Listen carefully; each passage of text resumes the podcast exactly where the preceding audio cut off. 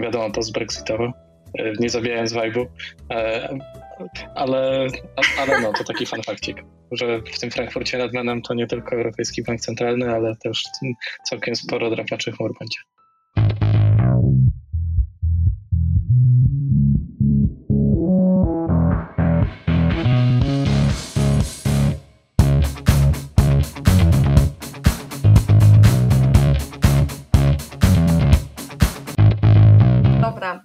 To wlatując trochę e, we flow z, z kuluarów, gdzie e, rozmawialiśmy trochę o wieżowcach, trochę o bieganiu, trochę generalnie o tym, że, że po schodach się nie biega, a, a, a jednak, a jednak e, niektórzy to robią.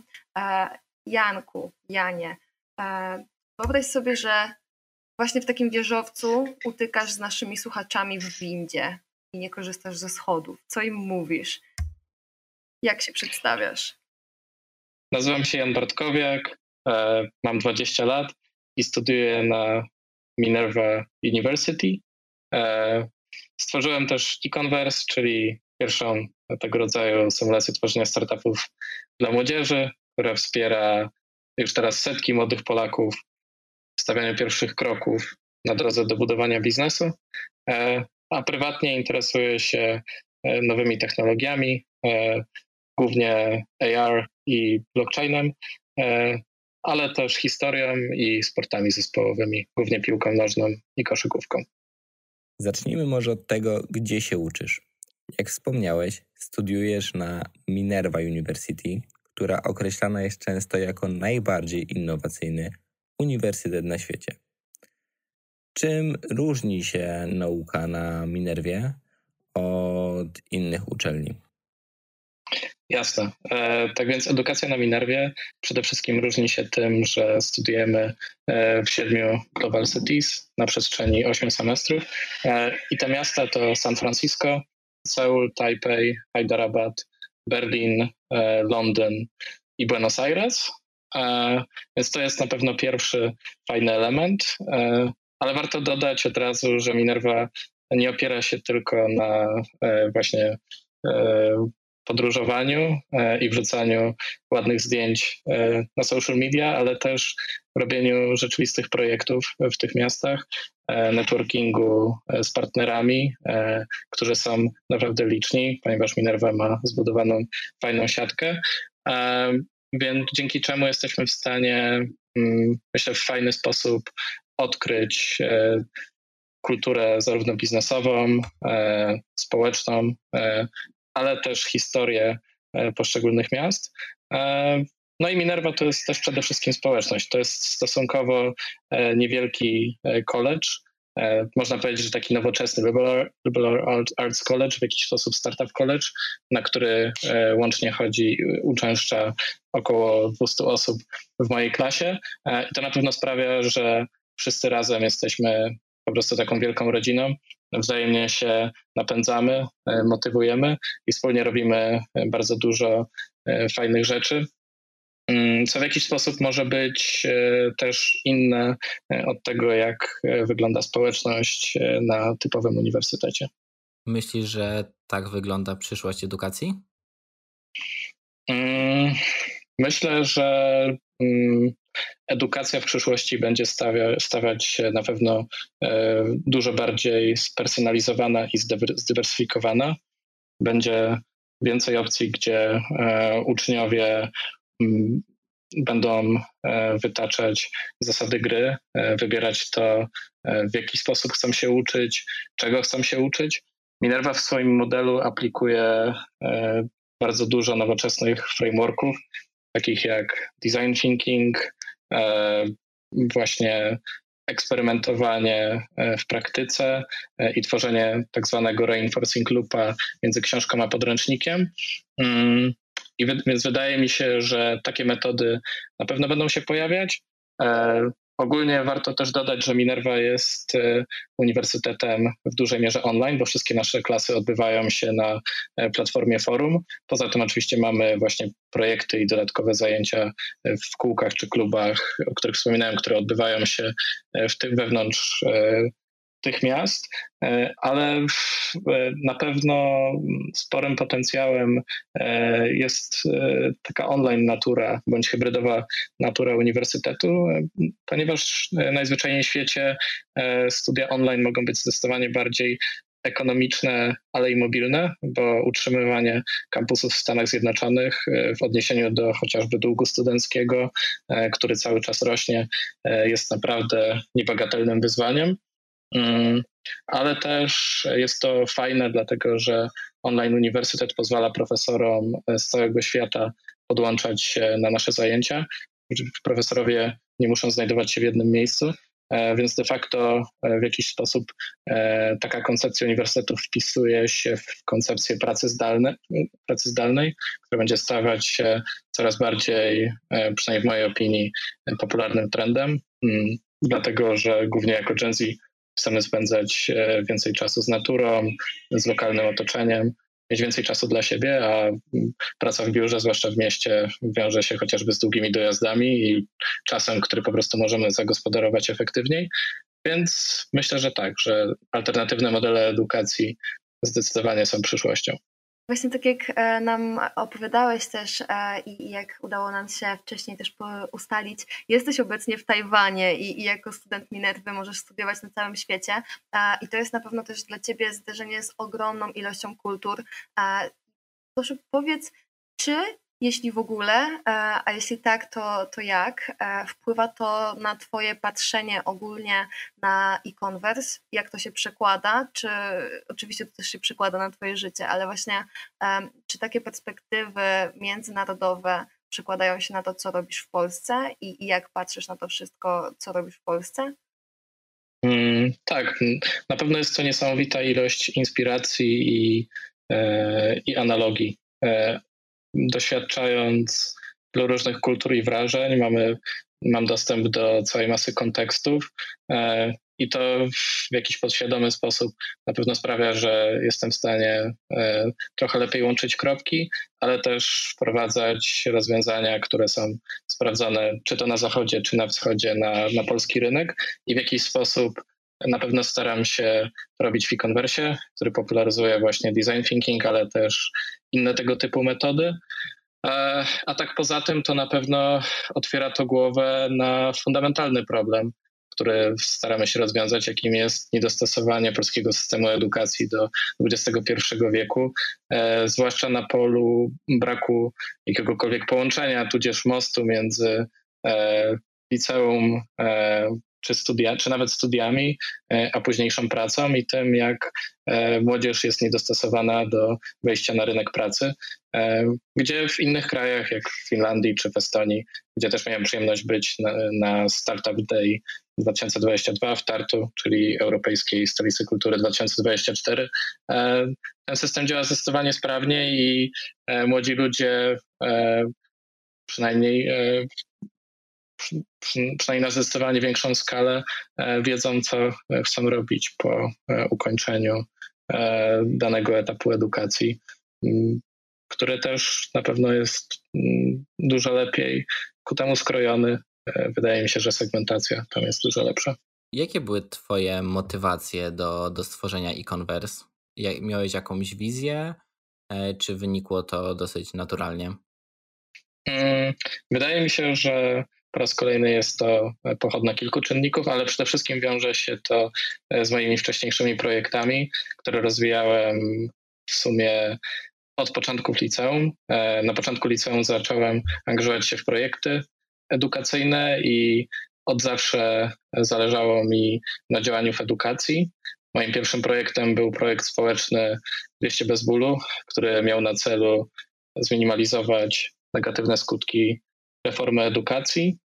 Mm, no i problem wtedy był taki, że e, w polskich szkołach brakowało ogromnej liczby miejsc. Wydaje mi się, że to było 360 bądź 370 tysięcy i z zespołem staraliśmy się pomóc e, jednostkom e, w dostaniu się do wybranych szkół, robiliśmy to w taki sposób, że przygotowywaliśmy ich do konkursów kuratoryjnych. No i oczywiście nie była to może diagnoza e, czy rozwiązanie, które mogło rozwiązać problem, jakim była reforma edukacyjna, e, ale na pewno sam fakt tego, że mogłem poczuć w tak młodym wieku, że moje działania odgrywają rzeczywisty wpływ na moje otoczenie, zachęciła mnie do tego, żeby działać w tym temacie dalej, więc potem angażowałem się też w dodatkowe projekty, właśnie głównie edukacyjne i konsekwentnie dążyłem do tego, żeby coś w tym temacie e, zdziałać, e, więc te projekty to było właśnie e, to było właśnie 200 bez bólu, potem współorganizacja Malta Festiwalu w 2019 roku, konferencja młodzieżowa, którą organizowaliśmy we Wrocławiu w 2021 roku, no i wreszcie e-converse, który myślę, że właśnie był kompendium inspiracji, E, z Polski w połączeniu z tym, czego doświadczyłem na, na Minerwie, e, która ma bardzo mm, przedsiębiorczą, e, proaktywną edukację i bardzo silnie poczułem, że czegoś takiego po prostu w Polsce brakuje i że jeśli kiedyś chcę to wprowadzić, dlaczego miałbym nie zacząć teraz? No i dlatego właśnie ruszyliśmy za konwersją. Tak, właśnie jakby ten temat edukacji jest Ci bardzo bliski z tego, co, co słyszymy.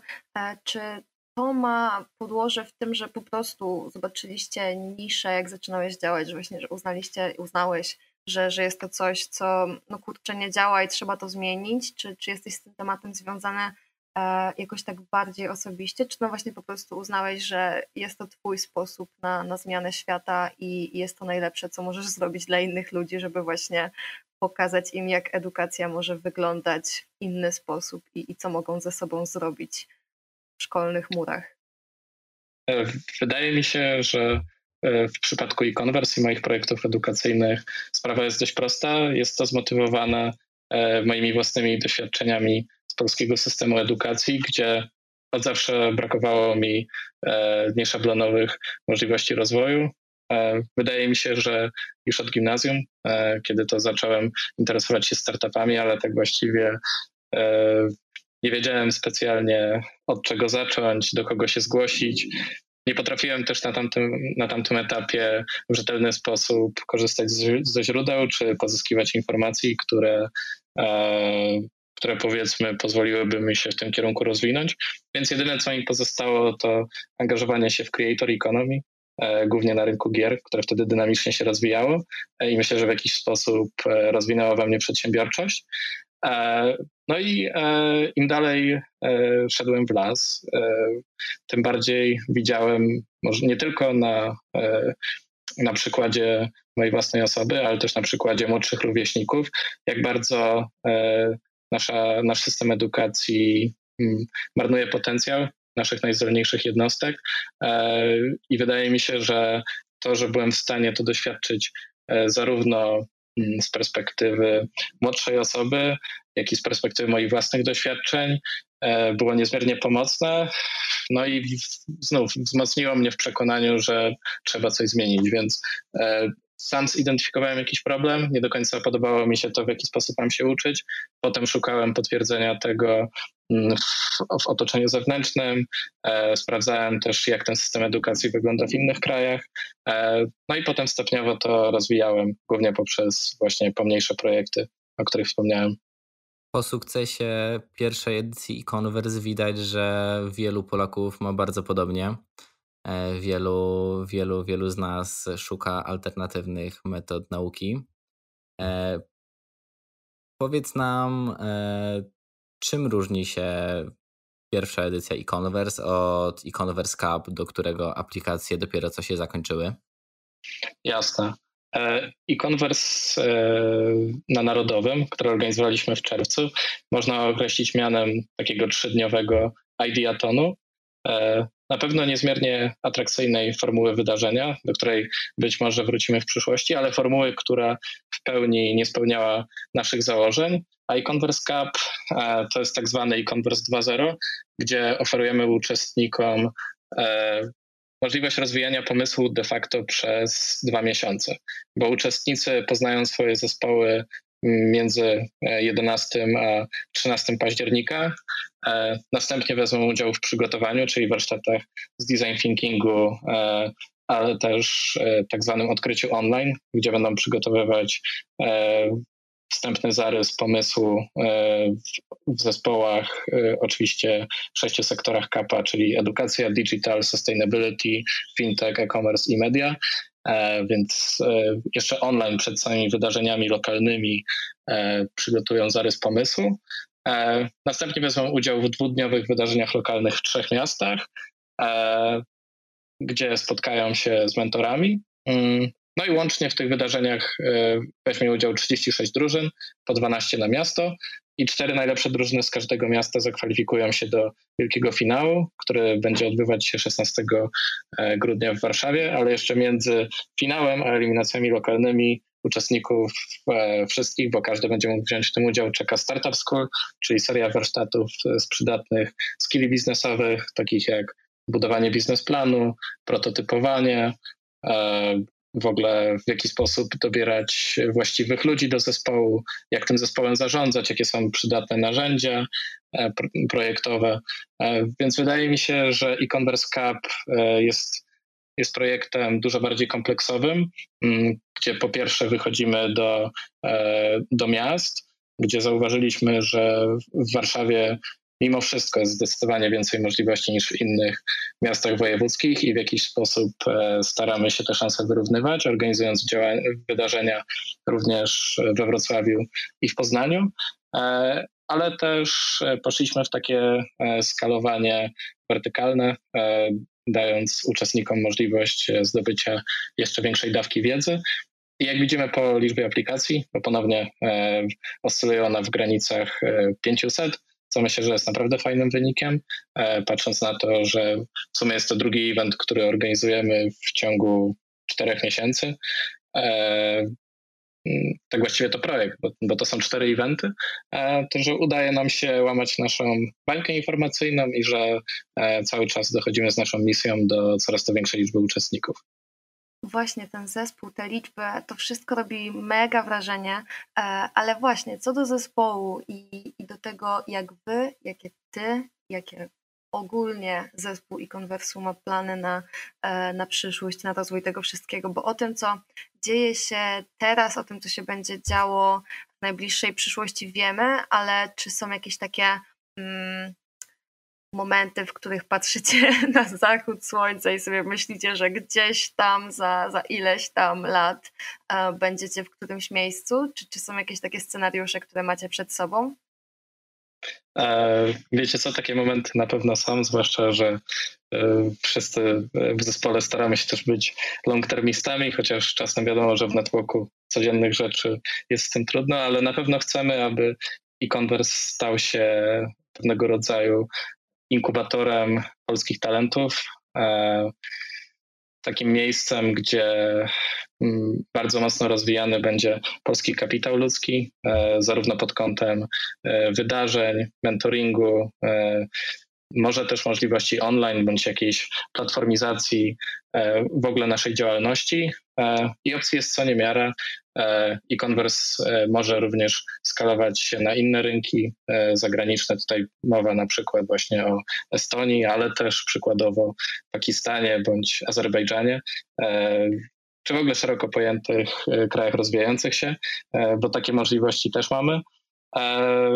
No ale w dużym skrócie wydaje mi się, że mm, jesteśmy trochę takim koniem, gdzie jako e-commerce, e, gdzie widzimy jego kontury, widzimy jego zarys i gabaryty. E, i wiemy też do jakich rozmiarów może wyrosnąć, to w sumie może bardziej takim źrebakiem, e, bo jeszcze nie jest nawet do końca dojrzały koń. No i zobaczymy, co z tego powstanie, ale na pewno planujemy działać, wrzucać w to 100 albo nawet 120% naszej energii, naszych serc, no i zobaczymy, co z tego wyjdzie. A czy możesz zdradzić nam krótkookresowe plany? Co, co będzie po e-Converse Cup? Mm, e, planujemy działać e, również nad e, takim programem, który w jakiś sposób zbliży młode, zdolne osoby do, do startupów i firm. Może to być w formie networkingu, może to być w formie dzielenia doświadczeń, Szczegółów jeszcze nie będę zdradzać, ale na pewno planujemy taki projekt. Do tego planujemy też kolejne trzydniowe wydarzenia na zasadzie hackathonu. No i na pewno będziemy akumulować wiedzę, bo inspiracji jest co niemiara. Mamy niesamowicie mocny fajny, ambitny zespół. Ponad 20 osób, które studiują na topowych uczelniach w Polsce i za granicą. LSE, Oxford, ale też SGH, Koźmin. To jest mega dużo inspiracji, zwłaszcza w kontekście e, nowoczesnej edukacji biznesowej.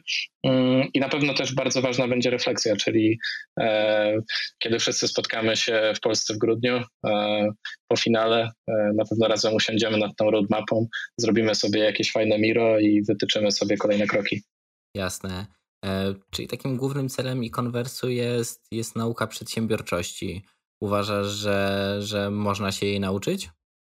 Mm, wydaje mi się, że tak e, i że przedsiębiorczość e, w jakiś sposób jest e, takim zestawem dobrych praktyk, chociaż nawiązując do klasycznej, odwiecznej debaty nature-nurture, powiedziałbym, że z przedsiębiorczością również jest tak, że e, niektórzy mogą mieć trochę większe uwarunkowania, e, ale każdy jest w stanie przynajmniej do pewnego stopnia e, to w sobie rozwinąć. Ja sam jestem zdania, że te wszystkie bariery są tylko w naszych głowach i że jeśli naprawdę chcemy, to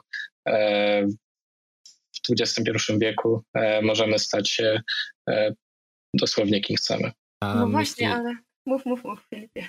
E, dlaczego warto uczyć młodych ludzi przedsiębiorczości? Jak, jak myślisz? Wydaje mi się, że chodzi też o to, z czym przedsiębiorczość koreluje bądź wiąże się. Przedsiębiorczość na pewno e, wiąże się z otwartą głową, e, która jest bardzo zacną cnotą. Moim zdaniem bardzo przydatną i wartościową też na poziomie całego społeczeństwa najzwyczajniej w świecie sprawia ona, e, że jesteśmy w stanie zaakceptować poglądy inne od naszych, jesteśmy w stanie szybciej się uczyć. E, no i jaki to ma wpływ na uwarunkowania społeczne, ale też sytuację gospodarczą, e, no to chyba sami możecie sobie odpowiedzieć.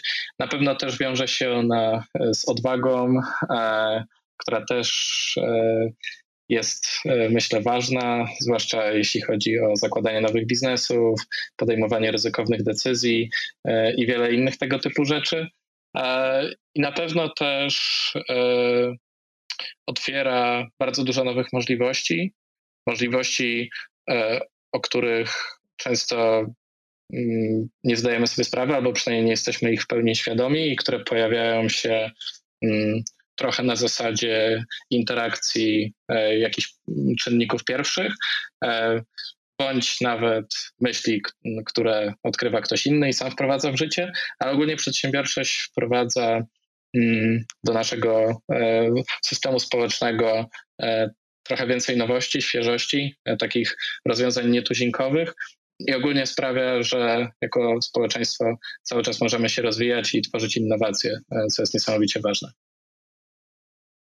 generalnie właśnie z, z, przedsiębiorczością jest trochę tak, że e, nauka o przedsiębiorczości to nie jest tylko to, jak być przedsiębiorcą, przedsiębiorcą a tylko to jest cały zespół, zespół postaw, które e, za tą przedsiębiorczością stoją. To jest cały sposób tak jakby życia, bycia i e, podchodzenia do różnych tematów. E, I ty, Janku, na pewno o tym wiesz e, pod kątem też prowadzenia e, zespołu e, i specjalistów, ponieważ organizując tak duże rzeczy, na pewno musisz współpracować z, z ogromem osób, które czasem no, znają się dużo bardziej na niektórych rzeczach od ciebie. I właśnie tutaj moje pytanie, czy ty jako, jako lider, jako CEO spotykałeś się z tym, że miałeś jakieś takie trudności w, w dowodzeniu, w kierowaniu ludźmi, którzy na przykład wiedzieli dużo więcej w jakimś obszarze od ciebie um, i jakby no, w pewien sposób straciłeś przez to kontrolę nad tym obszarem, który robią te osoby, no bo żeby czymś kierować, e, często na tym takim bazowym poziomie dowodzenia czymś czujemy potrzebę wiedzieć, jak to działa, a, a w momencie, w którym robimy rzeczy duże i mamy dużych specjalistów, no to nie zawsze jesteśmy w stanie wiedzieć, jak to wszystko działa. I, i powiedz, czy miałeś jakieś takie trudności w tym zakresie, w tych sytuacjach, gdzie właśnie trzeba było kierować ludźmi gdzieś tam ze szczytu góry. Jeszcze, na wstępie dodam, tak odnosząc się, że w mojej opinii przedsiębiorczość to jest ósma sztuka wyzwolona. to, to jest coś absolutnie fundamentalnego i, i naprawdę trudno jest przecenić rolę, jaką ona odgrywa w naszym społeczeństwie. A odnosząc się do Twojego pytania, mm, mm, to wydaje mi się, że takie sytuacje na pewno się zdarzają, e, ale to wszystko zależy e, od tego, jak do tego podejdziemy mm, i w jaki sposób to sfrejmujemy. E, ja przede wszystkim zwłaszcza od momentu, kiedy poszedłem na Minerwę. E, to pewnie zabrzmi dość dziwnie i klisze, ale bardzo lubię nie mieć racji. To znaczy, bardzo lubię dowiadywać się, że, mm, że w jakiejś sprawie się mylę, że jest, że jest alternatywne podejście i w ten sposób Przykładowo mogę zakończyć dzień wiedząc, że dzisiaj nauczyłem się tego, tego i tego i mam poczucie tego, że intelektualnie cały czas idę naprzód. Więc pracując z takimi mentorami, główną przewagą jest to, że możemy uczyć się naprawdę wiele, a wydaje mi się, że na tym etapie nie chodzi o to, żeby wiedzieć, jak coś, jak coś działa, tylko chodzi o to, żeby postawić się w takim środowisku i w takim otoczeniu, żeby mieć możliwości na to, żeby dowiadywać się, jak coś działa i żeby cały czas e, stawać się coraz lepszym. E, więc to jest pierwszy punkt. Po drugie, wydaje mi się też, że e, ze względu na to, że mm, jesteśmy z dwoma zupełnie różnymi pokoleniami i różnice pomiędzy poszczególnymi pokoleniami będą stawać się coraz większe, ale już teraz są naprawdę duże, to również nasi mentorzy e, są w stanie od nas czasem się czegoś nauczyć. Może niekoniecznie w kategoriach biznesowych czy w kategoriach oceniania, który pomysł ma większy potencjał na realizację bądź pozyskanie finansowania, ale w kategoriach perspektyw czy innowacji społecznych, czasem jesteśmy w stanie e, coś e, mentorom dać. E, na pewno tutaj pod to podchodzi też w ogóle energia, chęć poznawania świata, miłość rozwiązywania problemów, która charakteryzuje młodych ludzi, zwłaszcza uczestników e-conversa. Więc to jest myślę fajne i ważne. Mm. A tak poza tym, wydaje mi się, że trzecia zasada, której staram się trzymać e, i coś, co sprawia, że e-commerce rozwija się e, w naprawdę fajny sposób, to jest e, dobieranie właściwych ludzi. I stawiamy bardzo duży nacisk na to, aby dobierać właściwe osoby, zarówno do zespołu organizatorów, jak i do grona mentorów. I ważne jest też to, że dobieramy ludzi, a nie firmy. I myślę, że jest sporo organizacji, które priorytetyzują firmy e, i kwestie finansowe e, przy zarządzaniu. Mm, my podchodzimy do tego, czyli przykładowo odzywają się do jakiejś firmy, e, firma potem wysyła na wydarzenie kilku ekspertów, którzy wezmą w nim udział w roli mentorskiej. Ten model jest jak najbardziej ok i wiadomo, że czasem musi tak to działać. Natomiast my zdecydowaliśmy się działać trochę odwrotnie, czyli staramy się wyszukiwać mega mocne, fajne osoby, które są mm, utytułowane, ale zarazem zaangażowane w mentoring bądź jakąś działalność społeczną. E, staramy się z nimi współpracować, budować relacje i potem ewentualnie trafiać e, do ich firm, chociażby e, w kontekście sponsoringu. I tutaj dobrym przykładem jest na przykład Piotr Pietrzak z Bliku. Blik był partnerem merytorycznym Econverse 2022, będzie też partnerem Econverse Cup, ale z Blikiem tak właściwie połączył nas Piotr którego e, fascynuje e, idea dzielenia się wiedzą i który uwielbia pomagać młodym, e, ambitnym osobom. Tak samo jest też na przykład z Przemkiem Koteckim i z naszą działalnością Salegro, które też jest partnerem merytorycznym, więc myślę, że ważne jest to, że dobieramy ludzi, z którymi łączą nas wartości, ale też zrozumienie tego, jak ważnym problemem jest obecny stan naszej edukacji i jakby samo to, że ten problem jest większy od nas samych, też pewnie pomaga nam e, w podejmowaniu trudnych decyzji i tym, żeby cały czas przejść naprzód. Dokładnie tak, jakby w ogóle też e, ten element mentoringu i to, jeśli dobrze rozumiem, tutaj e, możesz mnie za chwilę poprawić, jeśli źle, ale no właśnie element tego, że i we współpracy z ludźmi, których zapraszacie na swoje wydarzenia jako prelegentów czy mentorów, ale też wydaje mi się, że w swojej wzajemnej pracy tak ze sobą na co dzień widzicie taką wartość mentoringu takiego wzajemnego, że właśnie uczycie się nawzajem od siebie. E, I właśnie tutaj takie pytanie, czy właśnie to jest to, w czym znalazłeś takie trochę oparcie, kiedy na przykład, nie wiem, było, była jakaś taka trudna sytuacja. No właśnie, czy w ogóle mieliście jakiekolwiek trudne sytuacje w e-conversie? Oczywiście, że mieliście, ale, ale jakie? E, I jakby, czy, czy to było coś, co was jakoś tak ciągnęło dalej? Tak, myśl, myślę, myślę, że dobrym przykładem, mm, z którego teraz się śmieję, ale który, który kiedyś e, wcale nie był taki zabawny, e, było to, że straciliśmy ważnego sponsora e, dwa miesiące przed wydarzeniem na, na Narodowym i brakowało nam dobrych kilkudziesięciu tysięcy złotych, które musieliśmy pozyskać de facto bez track rekordu, więc skończyło się wizytą na kongresie gospodarczym, e, gdzie na szczęście udało się te środki poprzez networking pozyskać. E, tutaj też oczywiście wielkie podziękowania dla partnerów, ale e, takie gorsze momenty są, ale ja sam jestem za to wdzięczny. Po pierwsze, jestem wdzięczny za, za te wspomnienia i za te emocje, które się wtedy pojawiły, ale poza tym wydaje mi się, że to też w jakiś sposób mm, cementuje organizację i buduje te, te więzi pomiędzy poszczególnymi członkami. Mm, no i w jakiś sposób staliśmy się rodziną. E, znamy się bardzo dobrze, bo też dużo, przez dużo rzeczy razem przeszliśmy.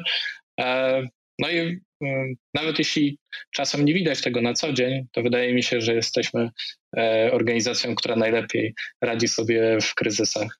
Więc e-Converse Crisis Committee to jest coś, czego może nie staramy się embrace'ować, ale coś, co kiedy się pojawia, to jesteśmy w stanie sobie z tym, z tym poradzić i e, myślę, że nikomu nie zadrży ręka e, bądź warga, bądź cokolwiek innego, kiedy musi podjąć jakąś decyzję w stresie. Wspomniałeś o zespole. W jaki sposób udało Ci się zebrać tak mocne osoby razem w procesie? Jak wyglądała rekrutacja do e-Converse? Mm, to na pewno była pochodna wcześniejszych projektów, e, gdzie też e, poznałem bardzo dużo osób, e, ale też właśnie mm, społeczności Polaków zainteresowanych bądź studiujących za granicą. Tak poznałem na przykład Kubę Zachradniczka z LSI czy Arka Bielaka z Oxfordu. Poza tym rozwijaliśmy wcześniej dużo projektów, jak już wspomniałem, no i miałem w głowie zarys takiej struktury funkcjonalnej i, e, i podziału zadań, e, przy czym nie ograniczałem się tym, że w zespole musimy mieć same osoby z zagranicy i same osoby z Polski. Zbudowaliśmy strukturę, która integruje te dwa elementy. E, myślę, że dość fajnie mm, i właśnie staramy się też bardzo stawiać na to, żeby dalej tak w konwersie było. Mm, no i co? Myślę, że e, najważniejsze było to, aby e, klarownie e, ustalić nasze zapotrzebowanie. Sam proces budowania zespołu wiadomo, że wiąże się też z przekonaniem członków, potencjalnych członków zespołu do dołączenia, ale sama misja była na tyle bliska sercom przyszłych członków i Converse, że dosłownie 100% osób zgodziło się dołączyć.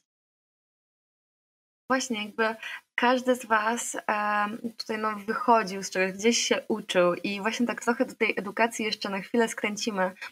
Miałeś taki jeden wywiad e, dla mamstartup.pl, e, gdzie mówiłeś między innymi o, o rozwiązaniach i sposobów nauki, jakie powinny, mogłyby wejść w, w powszechność polskich szkół. E, I tutaj takie moje pytanie, bo właśnie czy uważasz, że czymś dobrym jest to, żeby właśnie to weszło w taką powszechność, bo ja pamiętam w swoich czasach licealnych taki, e, takie uczucie, że wiesz, ci ambitni, ci tacy robiący dużo uczniowie właśnie e, byli ludźmi, którzy byli w stanie znaleźć te, to coś dodatkowego, czym były na przykład właśnie projekty społeczne i tak dalej, i tak dalej. I, i to był taki e, smaczek bycia ogarniętym życiowo trochę. E, I, I jakby chciałabym Cię zapytać, dlaczego moglibyśmy to zmienić i, i, co mogłoby się zmienić, gdybyśmy to zmienili. E, no i właśnie jakby ta, ta powszechność, czy wprowadzenie, e, czy to realizacji projektów społecznych, czy innego sposobu uczenia się niż jest znany nam w Polsce e, takim globalnym, może nie globalnym, ale krajowej, krajowej skali. Czy to jest coś, co, co powinniśmy zrobić? Wydaje mi się, że na pewno tak. To w jaki sposób to zrobić, to jest E, mega dobre pytanie i wydaje mi się, że tu ponownie musi pojawić się współpraca sektora publicznego z prywatnym i mega ważną rolę odegrają NGOsy i na pewno będzie mega ciężko e, wprowadzić jakiekolwiek zmiany mm, w skali systemowej, bez wsparcia jakichś instytucji rządowych bądź publicznych. To warto zaznaczyć, e, bo mega ważny jest też realizm, zwłaszcza przy tworzeniu jakiejś strategii dla e-converse. Ale ogólnie dużym problemem e, w polskiej szkole jest na pewno to, że mm, projekty mm, jeszcze kilka lat temu nie były, zwłaszcza w mniejszych miastach, uznawane jako coś atrakcyjnego e, i nie było benefitów e, za jakichkolwiek, e, czy to kredytów, czy ocen, za zaangażowanie się w projekty, za jakieś dodatkowe aktywności. Teraz to trochę zaczęło się zmieniać, ale cały czas nie jest to traktowane jako równa, potencjalnie może nawet fajniejsza alternatywa dla zajęć szkolnych, mm, ale jako coś gdzie nie wiem, może uczeń chce, chce uciec od jakichś obowiązków.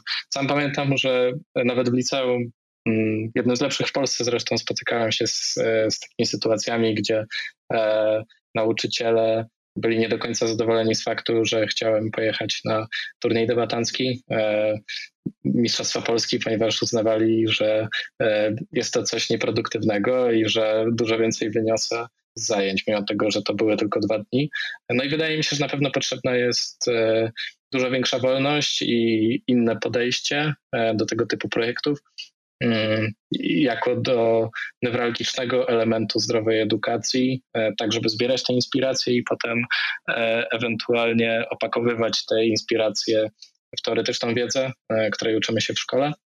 A do tego też wydaje mi się e, to na takim szerszym e, stopniu, myślę, że globalnym, że edukacja jest strasznie nieprodukywna. To znaczy czas, który spędzamy teraz w szkole, patrząc na to, jakie są e, wymagania rynkowe względem tego, jakie umiejętności mamy rozwijać, jest po prostu nieproporcjonalny. Wydaje mi się, że wykłady nie są do końca produktywne, że jesteśmy w stanie znaleźć i stworzyć e, i oczywiście przetestować bardziej atrakcyjne substytuty i że edukacja w przyszłości musi być dużo bardziej produktywna, e, musi, budowa, musi być zbudowana na e, principles właśnie science of learning, na którym opiera się Minerva, które na przykład zawierają emocje, E, czy właśnie mm, wykorzystywanie e, wiedzy teoretycznej w praktyce i robienie dużej ilości takich case studies. E, więc wydaje mi się, że tak, edukacja stanie się bardziej produktywna, a robienie projektów w szkole będzie tego częścią. Powiedz, powiedz, dużo się dzieje w Twoim życiu. Studia w różnych miejscach na świecie, dynamiczny, bardzo dynamiczny rozwój i konwers. E, w jakim momencie życia według Ciebie e, teraz jesteś? Hmm, wiecie co? E, mam szczerą nadzieję, że wszedłem w fazę wykładniczego wzrostu, a tak całkiem, a tak całkiem serio, to cały czas jest to okres przejściowy. Hmm, jest to niesamowity okres, bo w sumie codziennie żyję pełnią życia e, z ludźmi na miejscu, e, których uwielbiam mm, i z którymi naprawdę mogę pogadać o wszystkim i bardzo dużo się dowiedzieć, a zarazem online e, w e-conversie mam grupę osób, którą też uwielbiam i z którą rozwiązuję fajne problemy, więc ogólnie wydaje mi się, że jestem w mega pozytywnym momencie życia, a tak bardziej karierowo to jestem też, wydaje mi się, że w takim mimo wszystko dość wolnym momencie, bo cały czas jestem studentem. E, mogę eksperymentować i mam nadzieję, że przestrzeń na e, w sumie sprawdzanie się w, dużej liczbie kontekstów będę miał też później. No i jestem też przed takimi najważniejszymi decyzjami na zasadzie, e, czy chcę w przyszłości skupić się na startupie, czy na działalności społecznej, czy może pójść w trochę innym kierunku. jeśli skupić się na startupie, to czy rozwijacie konwersa w tą stronę, czy może rozwijać jakiś biznes technologiczny. Mm, więc e, na pewno dużo ważnych decyzji jeszcze przede mną, e, ale nie stresuję się tym, mm, tylko traktuję to jako coś, co przyjdzie i staram się e, cieszyć każdym problemem i każdym wartościowym spotkaniem, tak jak ten podcast, który spotykam na swojej drodze. Super, a zamierzasz wrócić po studiach do Polski, czy osiedlić się raczej gdzieś, gdzie, gdzie, gdzie do tej pory stacjonowałeś? E, trudno mi powiedzieć kiedy, ale wydaje mi się, że wrócę do Polski. Cudownie. Tego Ci w takim razie życzymy i, i tego, żebyś właśnie z każdej takiej nawet najmniejszej rzeczy był zawsze w stanie wyciągnąć e, wartość dodaną e, i żeby zawsze plusy i, i minusy były dodatnie mimo wszystko. Bardzo miło mi się rozmawiało. Dziękuję bardzo. Mi również.